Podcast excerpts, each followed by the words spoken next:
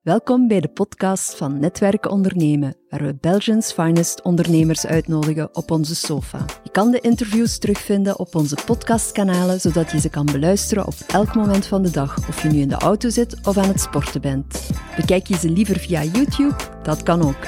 We've got you covered. Welkom bij Ondernemers op de Sofa bij Netwerk Ondernemen. Vandaag heb ik op de sofa Tom van den Putten van Bingley en Wim Lonke van Triple A Partners in Zorg. Welkom allebei. Misschien best eventjes om jullie eigen voor te stellen. Dus uh, Tom, uh, en u de eer om te, uh, te beginnen. Ik ben co-founder van Bingley. We zijn een bedrijf dat artificiële intelligentie gebruikt om patiënten beter voor te bereiden op een artsenbezoek. Uh, we gaan eigenlijk het grootste stuk van de vraag van de arts op voorhand stellen, zodat de patiënt tijd heeft om na te denken en uh, betere antwoorden kan geven uh, aan de arts. Zodat de consultatie efficiënter en meer to the point kan verlopen. Ja. Uh, ja, en Wim, je zit de mentor uh, van Tom enerzijds, maar zelf ook actief in de held. Dus misschien ook eventjes uh, jouw eigen toelichten wat, wat jij dagdagelijks doet. Ik werk bij AAA Plus Partners in Zorg en dat is een, ehm, ja, een onderneming van een twintigtal consultants, interim managers, die zich exclusief bezighouden met uitdagingen van ziekenhuizen en, uh, en alle zorginstellingen die daar rondhangen. En dat gaat van uh, netwerk voor, ja, netwerkvorming over procesverbetering, lean management, aankoopbeleid, HR-uitdagingen. Zelf ben ik ook headhunter in de zorg. dus ja, we zijn eigenlijk heel actief in die wereld. Uh, met een aantal, ja, twintig losvast medewerkers. Maar allemaal een beetje grijs haar zo. uh, seniors en mediors, zeg maar. Senior consultants. Ja, allebei actief in de zorg. Allee, de laatste maanden zijn uh, toch wel, laten we zeggen, uniek geweest en, en nooit gezien in de zorg. Um, dus ja, hoe hebben jullie dat meegemaakt? Tom, jullie zelf in de coronacrisis de zorgsector, maar ik heb ook gezien dat jullie enkele nieuwe zaken hebben gelanceerd ja. rond triage. ja, hoe heb je deze tijd meegemaakt? Ja, we hebben eigenlijk heel snel ons uh, beslissingssysteem, onze engine, uh, kunnen pimpen naar uh, corona. Dus eigenlijk is het corona of COVID-19 als ziekte toevoegen aan onze database met alle symptomen die predictief zijn voor die, voor die diagnose. en op basis daarvan hebben we eigenlijk ons systeem aangepast om de overbevraging van spoeddiensten en triageposten te gaan ontlasten.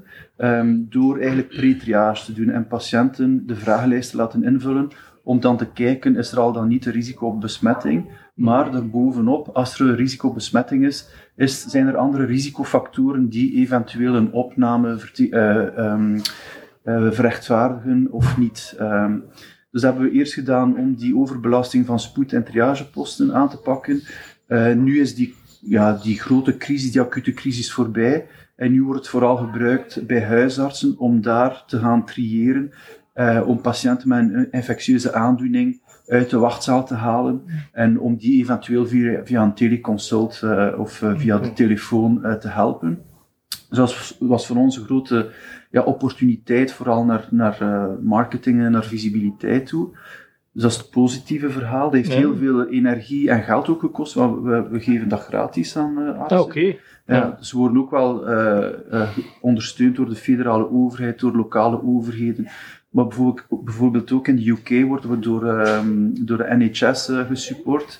Hmm. dus dat is goed. Um, anderzijds zien we wel dat tijdens die periode, bijvoorbeeld onze betalende klanten zijn ziekenhuizen, ja, dat lag volledig stil. Daar kun je geen business doen, je kunt geen afspraken maken. dus dat is op korte termijn probleem op langere termijn is het probleem dat ziekenhuizen nu geconfronteerd worden met een enorm uh, ja, verlieslatende periode, omdat de business waar ze geld mee verdienen ja, zijn, de operaties, selectieve uh, chirurgie, dat is gestopt. Um, en dat het behandelen van coronapatiënten heel, heel duur is voor een ziekenhuis. Dus het komt er eigenlijk op neer dat de facto alle Belgische ziekenhuizen verlieslatend zijn nu. Okay. Uh, dus dat is natuurlijk een probleem als je komt met een product dat geld kost, uh, uh, dat je in die heel beperkte budgetten ja, mensen kunt overtuigen om, om je product te kopen. Dus dat, maar, maar er komt dan ook wel bij dat door die crisis dat ziekenhuizen toch wel meer en meer overtuigd raken van het feit dat de manier waarop dat de zorg vandaag georganiseerd wordt, dat dat inefficiënt is. Mm. Hè. Er, zijn, er is te weinig capaciteit, er is te veel administratie, er gaat te veel energie, tijd en geld verloren in nutteloze dingen. En dan, ja, daar, daar kunnen wij wel een. Ja, daar speelt je eigenlijk wel perfect voilà, op in. Dus ja. eigenlijk de, de, de, de awareness van Ja. De nood naar digitalisering, naar eh, betere oplossingen, komt u op lange termijn dan wel ten goede. En, en heb jij die meegemaakt, deze periode? We hebben dubbel gedraaid. Hè. Ehm, enerzijds omwille van eh, de grote diversiteit aan, aan nieuwe aankopen. Eh, we hebben ook een aankoopcentrale. Je wil niet weten hoeveel vierkante meter plexiglas dat we geleverd hebben. Eh, het hele debakkelen rond de mondmaskers, daar zaten wij middenin. Eh, maar ik kon, ik kon Tom eigenlijk alleen maar bijtreden. Ehm, het is een heel drukke periode geweest bij die ziekenhuizen. We hebben ook crisismanagers geleverd in een zorgcentra. Ehm, eh, en, en ja, je zag dat eigenlijk ehm, door de grote flexibiliteit van die mensen die daar werken, zij een complete omslag in hun activiteiten hebben eh, kunnen doen. Maar nu moet dat terug normaliseren. Eh, en een ziekenhuis draaide eigenlijk wat is het, 0,5, 0,9 procent marge, gemiddeld Ja. over heel België. Ehm, en nu zitten ze ongeveer eh, op min 10 procent. Ja. Dus dat zijn, dat zijn ja, financiële debakkels, eh, waar dan nu inderdaad, zoals Tom ook zegt, wel die awareness komt van ja, die netwerkvorming die moet versnellen, ehm, dat lean management dat moet gaan versnellen, eh, investeren in innovaties moet gaan versnellen. Maar dan blijf je natuurlijk met dat pro- beslissingsproces, dat heel traag beslissingsproces worstelen, die nog altijd niet veranderd is in de healthcare. Nee, want allee, de health sector staat eigenlijk wel bekend voor lange lead times in beslissingen. eh, een jaar onderhandelen met ziekenhuizen eh, en langer alvorens ergens eh, witte rook te zien. Ziet je dat veranderen op termijn? Of, of eigenlijk zeggen we zitten nog altijd in hetzelfde, maar gewoon in een nieuwe wereld, maar met eigenlijk identiek dezelfde Of... Ik hoop dat het verandert, al, eh, al heb ik toch wel mijn twijfels over de manier waarop dat het verandert. Wat je vandaag ziet, is dat er eh, meer en meer zaken worden verankerd in raamovereenkomsten. Eh, Polstok bijvoorbeeld heeft nu een gigantische raamovereenkomst voor, ja, voor alle ziekenhuizen, alle zorgverleners, eh, maar van eens keer ook alle gemeentes erbij, waarin dat eigenlijk een raamcontract voor consultancy wordt verankerd. Eh, en je zit erbij of je zit er niet bij. Oké, dan kan je heel snel eh, consultancy gaan inkopen, maar is dat dan wel de juiste consultancy voor dat specifieke thema? En vernieuwers zoals een Bingley, die geraken in zo'n pad niet mee. Hè? Want bedoel, dat gaat niet over een standaard dienstverlening dat je inkoopt. Ehm, dus langs de ene kant is dat goed, want je gaat inderdaad dat beslissingsproces gaan versnellen en je gaat heel snel handjes krijgen op de vloer die zaken voor u kunnen gaan aanpassen. Maar anderzijds is het ook niet goed, omdat je dan ehm, ja, innovaties, zaken die nu al bestaan of die nog moeten worden eh, bedacht, dat je die gewoon uitsluit uit dat beslissingsproces of dat veranderproces van de ziekenhuizen. Anderzijds, wat ik ook wel merk, is dat meer en meer ziekenhuizen nu beginnen werken met een innovatiemanager. Oké. En dat is ook wel een mooie evolutie. Eh, alleen de, de beslissingsbevoegdheid en de slagkracht, de verandercapaciteit van een innovatiemanager binnen een groot log instituut als een ziekenhuis is nog zeer beperkt. Hmm. Eh, hoe ziet jij dat, eh, Tom? Eh, Ja, ik kan alleen maar eh, Wim gelijk geven, natuurlijk. Ik zou niet anders durven, maar... ja, natuurlijk, als mentor. ja. Maar ehm, ja, het is een, natuurlijk een sector die heel eh risicoavers is. Terecht, Terecht, want voordat je iets verandert in, in een systeem dat gerodeerd is en waar dat je toch met mensenlevens ja, je potentieel in, in gevaar kunt brengen, voordat je daar iets aan verandert, moeten dingen heel zeker en getest en zo verder zijn. Dus dat, dat, dat begrijp ik wel. Anderzijds wordt het overgecompliceerd omdat er heel veel beslissingsnemers zijn. Vooral bijvoorbeeld wat dat wij doen. Ja, geïmpacteerd het medisch beslissingsproces. Dus je moet hè, de medisch directeur, de artsen of het diensthoofd, hè, je hebt dan dikwijls directeur verpleging, eh, dan, ja, dat moet betaald worden. Dus je hebt een CFO die moet beslissen. De CEO wil er dikwijls ook nog iets over zeggen. Eh, dan heb je dikwijls nog een innovation manager of een chief medical info- information officer. Dus je hebt ongelooflijk veel mensen dan nog, ja, de, IT moeten mee zijn. Je hebt dan de DPO. Dus tegen dat al die mensen een zeg gedaan hebben en een oké gegeven hebben, dan zijt je 12 à 18 maand verder. Hè, En dan begint de implementatie. Want ons systeem moet dan spreken met de systemen van het ziekenhuis. Dat zijn niet de meest dynamische syste- systemen, dat kan ik u vertellen. En tegen dat, ja, tegen dat, dat je eigenlijk live gaat, ja, zeg je 18 maanden tot 2 jaar verder. Maar je komt uit een andere eh, sector, vroeger niet altijd in de held gezeten. Als je dan vergelijkt, zeg je van, goh, amai. Natuurlijk, als je er één keer in zit, zit je ook wel ingepakken, denk ik. Hè? Allee, of moet dat zijn, dan, dan is het moeilijk. Eh, ja, hoe staat je daar nu, nu tegenover na enkele jaren in die hel te zitten? Zeg je van, ja, amai, eh, want ik kan me voorstellen dat je dat in het begin van je avontuur eh, niet wist, nu, nu wel. Hoe, hoe, hoe zit je daar nu in? Ja, het is niet de makkelijkste sector, dat is een feit. Maar ik denk, wat, enfin, voor mij persoonlijk, wat dat mij drijft daarin, is dat ik geloof dat we door ons product echt een verschil kunnen maken.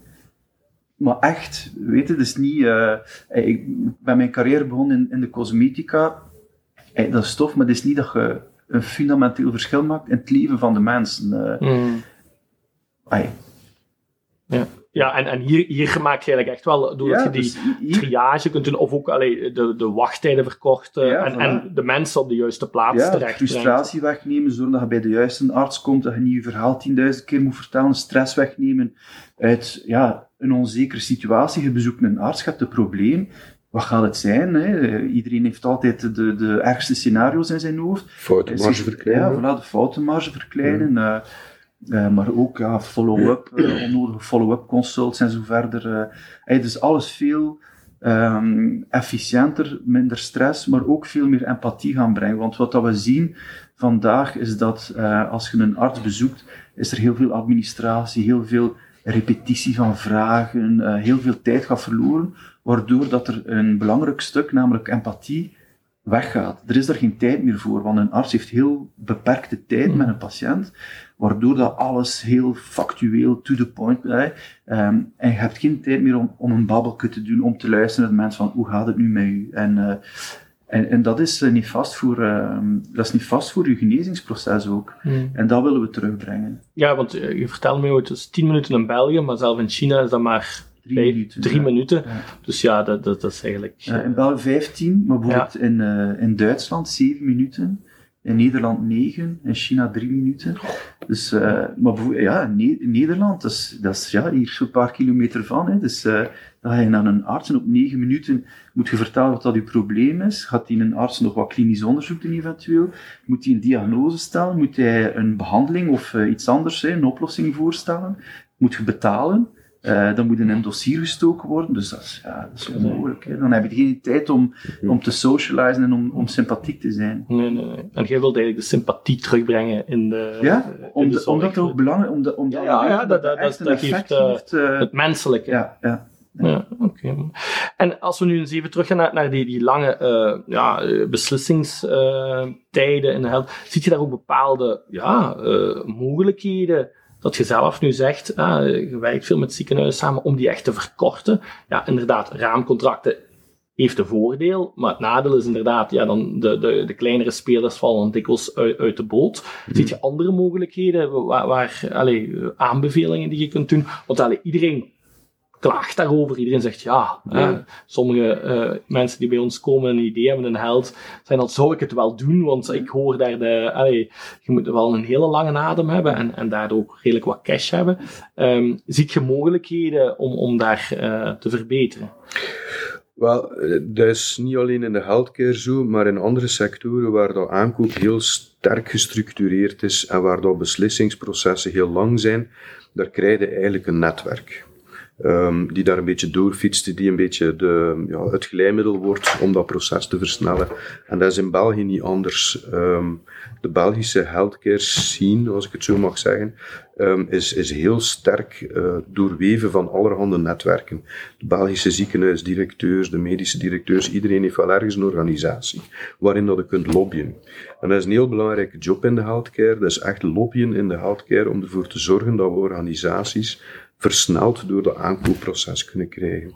Als een CEO van een ziekenhuis zegt, ik moet dat hebben, dat moet hier morgen liggen, dan ligt dat er morgen. En dan gaat heel die organisatie wel zorgen dat dat aankoopproces wordt versneld. En voor mij is dat vandaag, denk ik, het enigste dat ik kan bedenken om, ehm, om organisaties te helpen sneller hun product of hun dienst binnen eh, een, een, een zorggemeenschap eh, te krijgen. Ehm, dat proces op zich versnellen, dat lukt u niet.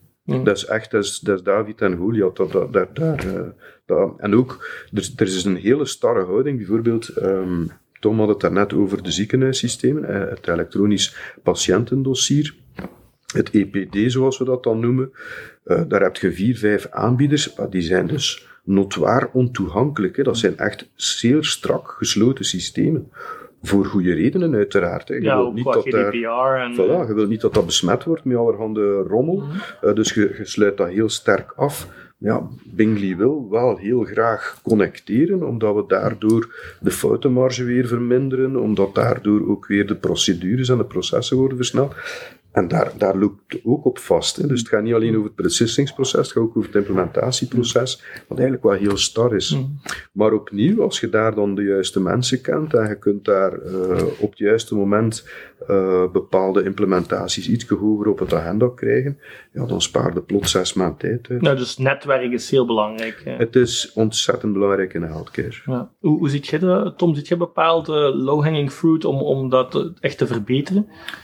Of welke Wat aanbeveling zou jij wat doen? we, ja, wat we het snelst tractie krijgen, ehm, zijn bij de departementen of de ziekenhuizen die wat, ik ga niet zeggen ehm, commercieel ingesteld zijn, maar die meer gedreven zijn door, door een PNL, zou ik zeggen. Mhm. En dat is bijvoorbeeld wat je ziet in de US, eh, maar wat dat ook aan het komen is in Frankrijk, eh, waar dat er naar een ander financieringssysteem gegaan, allee, geëvolueerd wordt.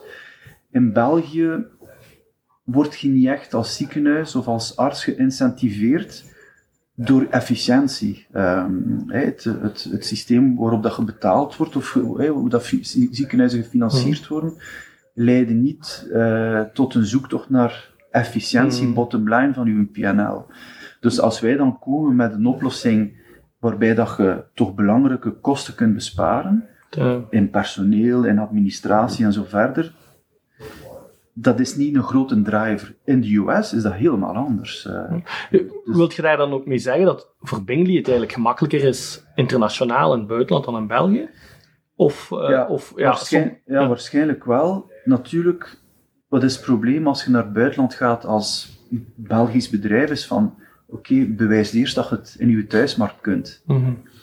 Eh, en dat is een beetje, ja... Kip of die ja, eigenlijk. voilà, voilà. Het zijn een catch-22. Ja. Ja. Een andere evolutie is natuurlijk dat we in de healthcare sector nu meer en meer concepten al een net promoter score of, ehm, of tevredenheidsanalyses beginnen zien. Of ook echt kwaliteitsscores beginnen zien. Dus bijvoorbeeld, je gaat binnen voor een, een cataractoperatie. eh in hoeveel procent van de gevallen komt er buiten en zie je weer. Eh, in Duitsland begint men daar nu heel sterk mee eh, te goochelen en zijn ziekenhuizen eigenlijk tegen elkaar op aan het bieden met dergelijke scores. Eh, en daar gaan innovaties ook in helpen, uiteraard, omdat je die patient experience, waar alles uiteindelijk om draait, Nee. dat je die patient experience aan het verhogen bent. En zeker een app als, als, als Bingley, waarbij dat je in je eigen moedertaal, ik zeg nu maar wat, ik ben, ik ben Portugees of ik, ik, ik spreek alleen maar Engels ehm, of Arabisch. En ik, ik kan, in mijn app kan ik mijn, eh, mijn anamnese voorbereiden voor de arts. En mijn arts die ziet dat in zijn moedertaal, Nederlands, Frans, Engels, ziet hij ehm, een voorstel van diagnose. Ehm, ja, dat is voor die patiënt natuurlijk fantastisch, hè, dat hij in zijn eigen taal kan beschrijven waar dat het pijn doet, wat dat hij voelt, hoe lang dat, dat al duurt. Dus je hebt daar ook al een, een, eh, een verbetering in, in de kwaliteit van, van, van de overdracht van informatie, maar ook die patient experience verbetert. Ik kan het in mijn eigen taal doen, ik kan het eventueel rustig thuis doen, ik zit daar niet in die wachtzaal, eh, helemaal verkrampt van de stress, eh, snel iets in te vullen. Ehm, en dat begint nu ook wel een klein beetje echt die klant centraal stellen begint ook door te dringen Ja. in de held. Dat we niet Ja. enkel puur procesmatig Ja. gaan denken dat ze eh, en, en Er is een, veiligste, maar, maar echt Ja. klanten centraal Er is een, eh, een prof die een, een boek heeft geschreven over value-based healthcare. En vandaar komen nu al die concepten. eh, dus het boek is al tien jaar oud, maar dat begint nu pas echt door te dringen in, in de healthcare. eh, het concept van ba- value-based healthcare. En de value, dat is de waarde dat je creëert voor die patiënt. En die waarde, die bestaat uit verschillende facetten. Hè. Uiteraard wilde genezen buiten geraken, maar anderzijds wilde ook ja, goed behandeld zijn. eh wilt je daar goed ontvangen worden, moet dat proces vlot in elkaar zitten, eh wilde in je eigen moedertaal aangesproken worden, enzovoort, enzovoort, enzovoort. Het maakt allemaal deel uit van die value. Maar, en, en denk je dan dat een crisis, eh, een ongeziene heldcrisis die we nu hebben gehad, dat, dat we toch wel ergens een shift gaan maken? Of ziet je eerder terug, ja, eigenlijk gaan we terug naar business as usual en uh, binnen dit en zes maanden zitten we eigenlijk in hetzelfde systeem als daarvoor. Of ziet je nu echt wel, denk je van, ja, ik denk nu echt wel, zoals we met uh, digitaal uh, remote working zien we echt een shift. Mm -hmm. um, waar, waar, vroeger veel organisaties sceptisch waren, zien we nu een shift echt. Ziet je dan de healthcare en, en hoe we dat gaan benaderen, ziet je daar een shift gebeuren? Of zeg je, ik vrees daarvoor?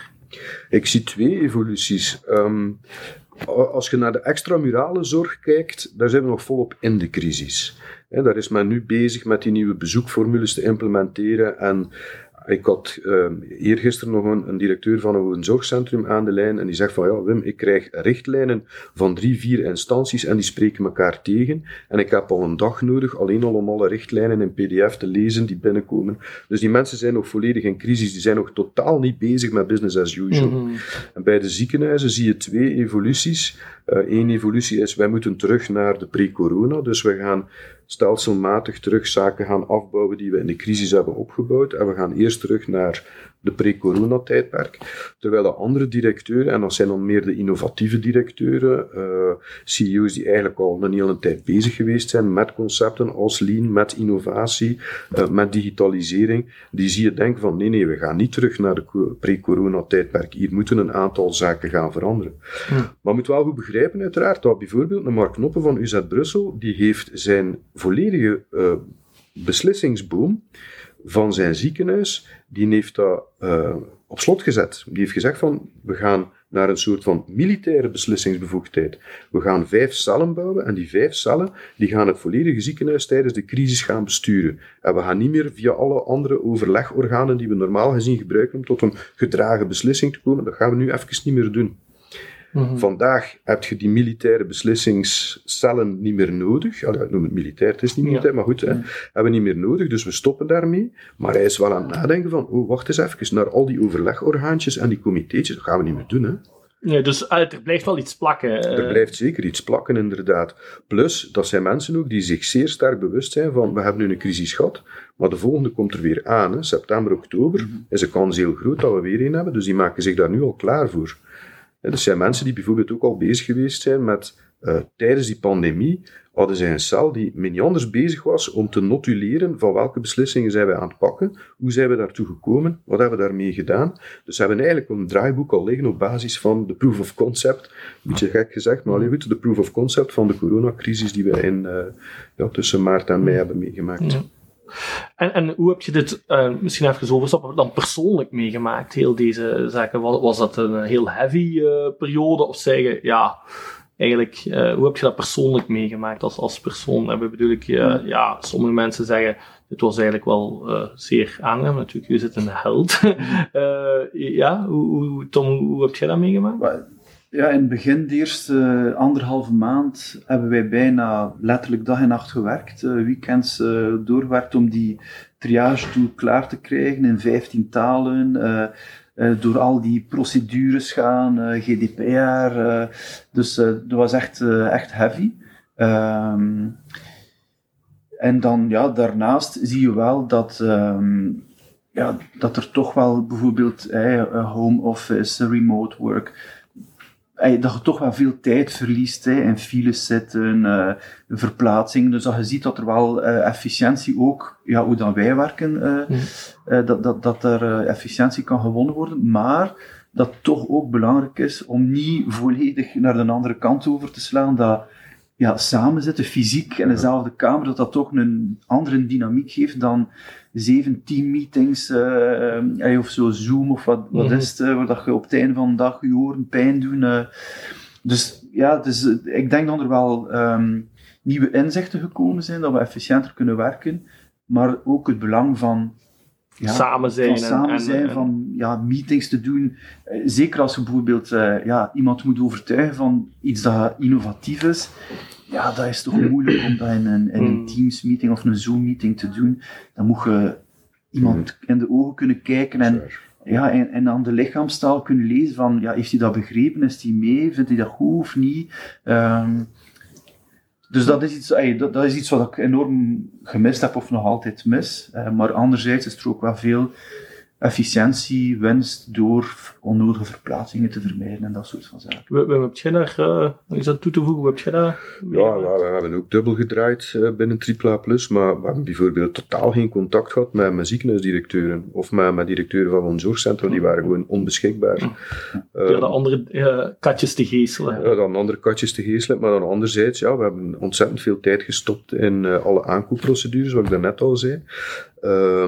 Ehm, we hebben daar ook wel heel veel uit geleerd, uh, want vroeger moest je inderdaad voor hele eenvoudige besprekingen ter plaatse gaan, werd dat echt wel geëist. Uh, ook in mijn een financieel directeur aangeworven via de headhunting practice. Um, alle eerste interviews heb ik via, via Zoom gedaan. en dat was vroeger not done. Maar eigenlijk heeft dat perfect gewerkt. Mm. En daardoor is die procedure veel sneller kunnen gaan dan, dan voorheen. Uh, uiteraard, de laatste interviews met de laatste kandidaten, die doe je face-to-face. zelfs midden in coronatijdperk. Uh, dat kon dan wel niet doorgaan op de site, want er was bezoekverbod. dan, dan, dan huur je ergens een reguslokaal in en dan doe je dat daar. Of een co-station lokaal. Oké, en uh, jullie ja, zijn nu uh, onderling uh, mentor-mentee, zijn een jaar, twee jaar verloofd, hè, ja. verloofd, nog niet getrouwd. maar allee, um, ja, hoe, hoe, gaat dat? Tom, Tom allee, misschien eerst aan, aan u zijn, want allee, uiteindelijk toch ook wel, wel, wel ervaring. dus zou zeggen, ja, heeft een ervaren ondernemer een mentor nodig? Um, ja, hoe, hoe, kijk jij daarop? op? Ja, ten eerste ben ik natuurlijk, ik zou het niet anders willen zijn, enorm content met hem als, uh, als mentor. Uh, ik denk dat het belangrijk is dat er toch ja, een klik, een klik ook is, ja. dat je elkaar... Uh, ja, een persoonlijke klik Ja, voilà. Ja. Ehm, er is natuurlijk ook, uh, ja, we zijn in dezelfde sector actief, hè, dus uh, we kunnen wel van elkaar leren. Um, en het uh, toffe van het concept van mentorship bij netwerk ondernemen is dat er geen je kunt niet zeggen dat er een vrijblijvendheid is, maar er is toch minder. Uh, ja, hoe moet ik zeggen? We leggen niks op. Ja, ja. En, en dat zorgt ervoor dat je veel vrijer um, met elkaar kunt babbelen over dingen hmm. die ja, het puur businessmatige overstijgen, maar die ook wel een impact kunnen hebben op, uh, op business. En um, voilà, dus dat, dat, vind ik, dat vind ik belangrijk. Dat vind ik heel aangenaam aan, aan, aan het concept van het, uh, van het mentorship binnen netwerk ondernemen.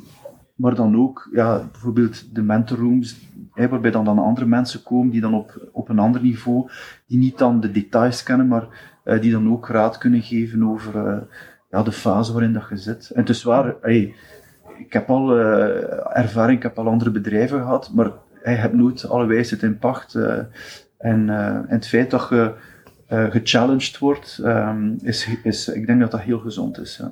En Wim, voor u, uh, wat, wat, brengt dat voor u uh, als, als mentor? Ja, dat klinkt een beetje arrogant, maar dat, dat pay-it-forward principe vind ik ontzettend belangrijk. Uh, alsof ik alle wijsheid en pacht heb en dat kan doorgeven. maar allee, ik geloof daar wel echt in. dat je, hebt, je hebt ervaring je hebt een netwerk en je zet dat belangeloos open. Wat Tom ook zegt, er, is zo, er is geen belangenconflict, want allee, er is geen monetaire afhankelijkheid of zo. Dus ja, geeft en heeft. Maar waar ik ontzettend um, van verrast ben, en, en dat zeker bij, bij Tom en met Bingley zo, je krijgt als mentor ook ontzettend veel terug. Uh, het hele verhaal van startups, scale-ups, voor mij was al vrij nieuw. Ben, ik heb daar ontzettend veel van geleerd. Uh, hoe dan een, een, een, een, bedrijf dat aan het groeien is van, van een idee tot een concept, tot een product, tot een, tot een, ja, een, een marktontwikkeling. Um, dat van dichtbij meemaken, dat, dat is een voorrecht. Dat, dat is fantastisch. Daar krijg je energie uit. Um, daar leer je ontzettend veel van. Uh, en ja, als dat dan nog is met een persoon, wat Tom ook zegt, uh, waar het echt ook wel een persoonlijke klik is. Uh, een beetje dezelfde vorm van humor, dezelfde hobby's ga ik nu niet zeggen, maar toch. maar humor heb ik al gemerkt, dat is een zeer belangrijke ja, connector. Ja, dat is wel een belangrijke connector, ja. inderdaad. Maar ja, je leert daar ontzettend veel uit. En ik heb geen enkele afspraak gehad met Tom. Ik ga het geen meetings noemen, want het was veel te plezant. Maar geen enkele afspraak gehad met Tom waar dat de, de telefoon toelegt of naar je auto stapt en dat hij zegt van, blij dat ik daar vanaf ben. Hm. Nee, iedere keer heb je dat gevoel van, ja, dat was weer tof, ik kijk uit naar de volgende. Ja, En dat is, dat is fantastisch. Plus, ja, je doet het gewoon omdat je het wilt doen. Niet omdat je het moet doen, maar omdat je het wilt doen. En dat is, ja... Ik, ja, ja, zeker voor netwerkondernemen, ik, ben, ik kan iedereen aanbevelen om daar uh, om daar tenminste een keer van te proeven. Uh, en zeker uh, als je al iets verder zit in je carrière, of ook ja, als je echt een specifieke ervaring hebt, om te zien op welke manier dat je dat kunt delen, want daar krijg je zoveel energie van, dat is fantastisch. Fijn, op deze noot zou ik graag willen stoppen. dus Tom, Wim, dank u wel voor het interview. Bedankt Wim. Vergeet u zeker en vast niet te abonneren op onze kanalen met YouTube en onze podcast. En dan zie ik u heel graag terug voor een volgende SOFA-sessie van Netwerk Ondernemen.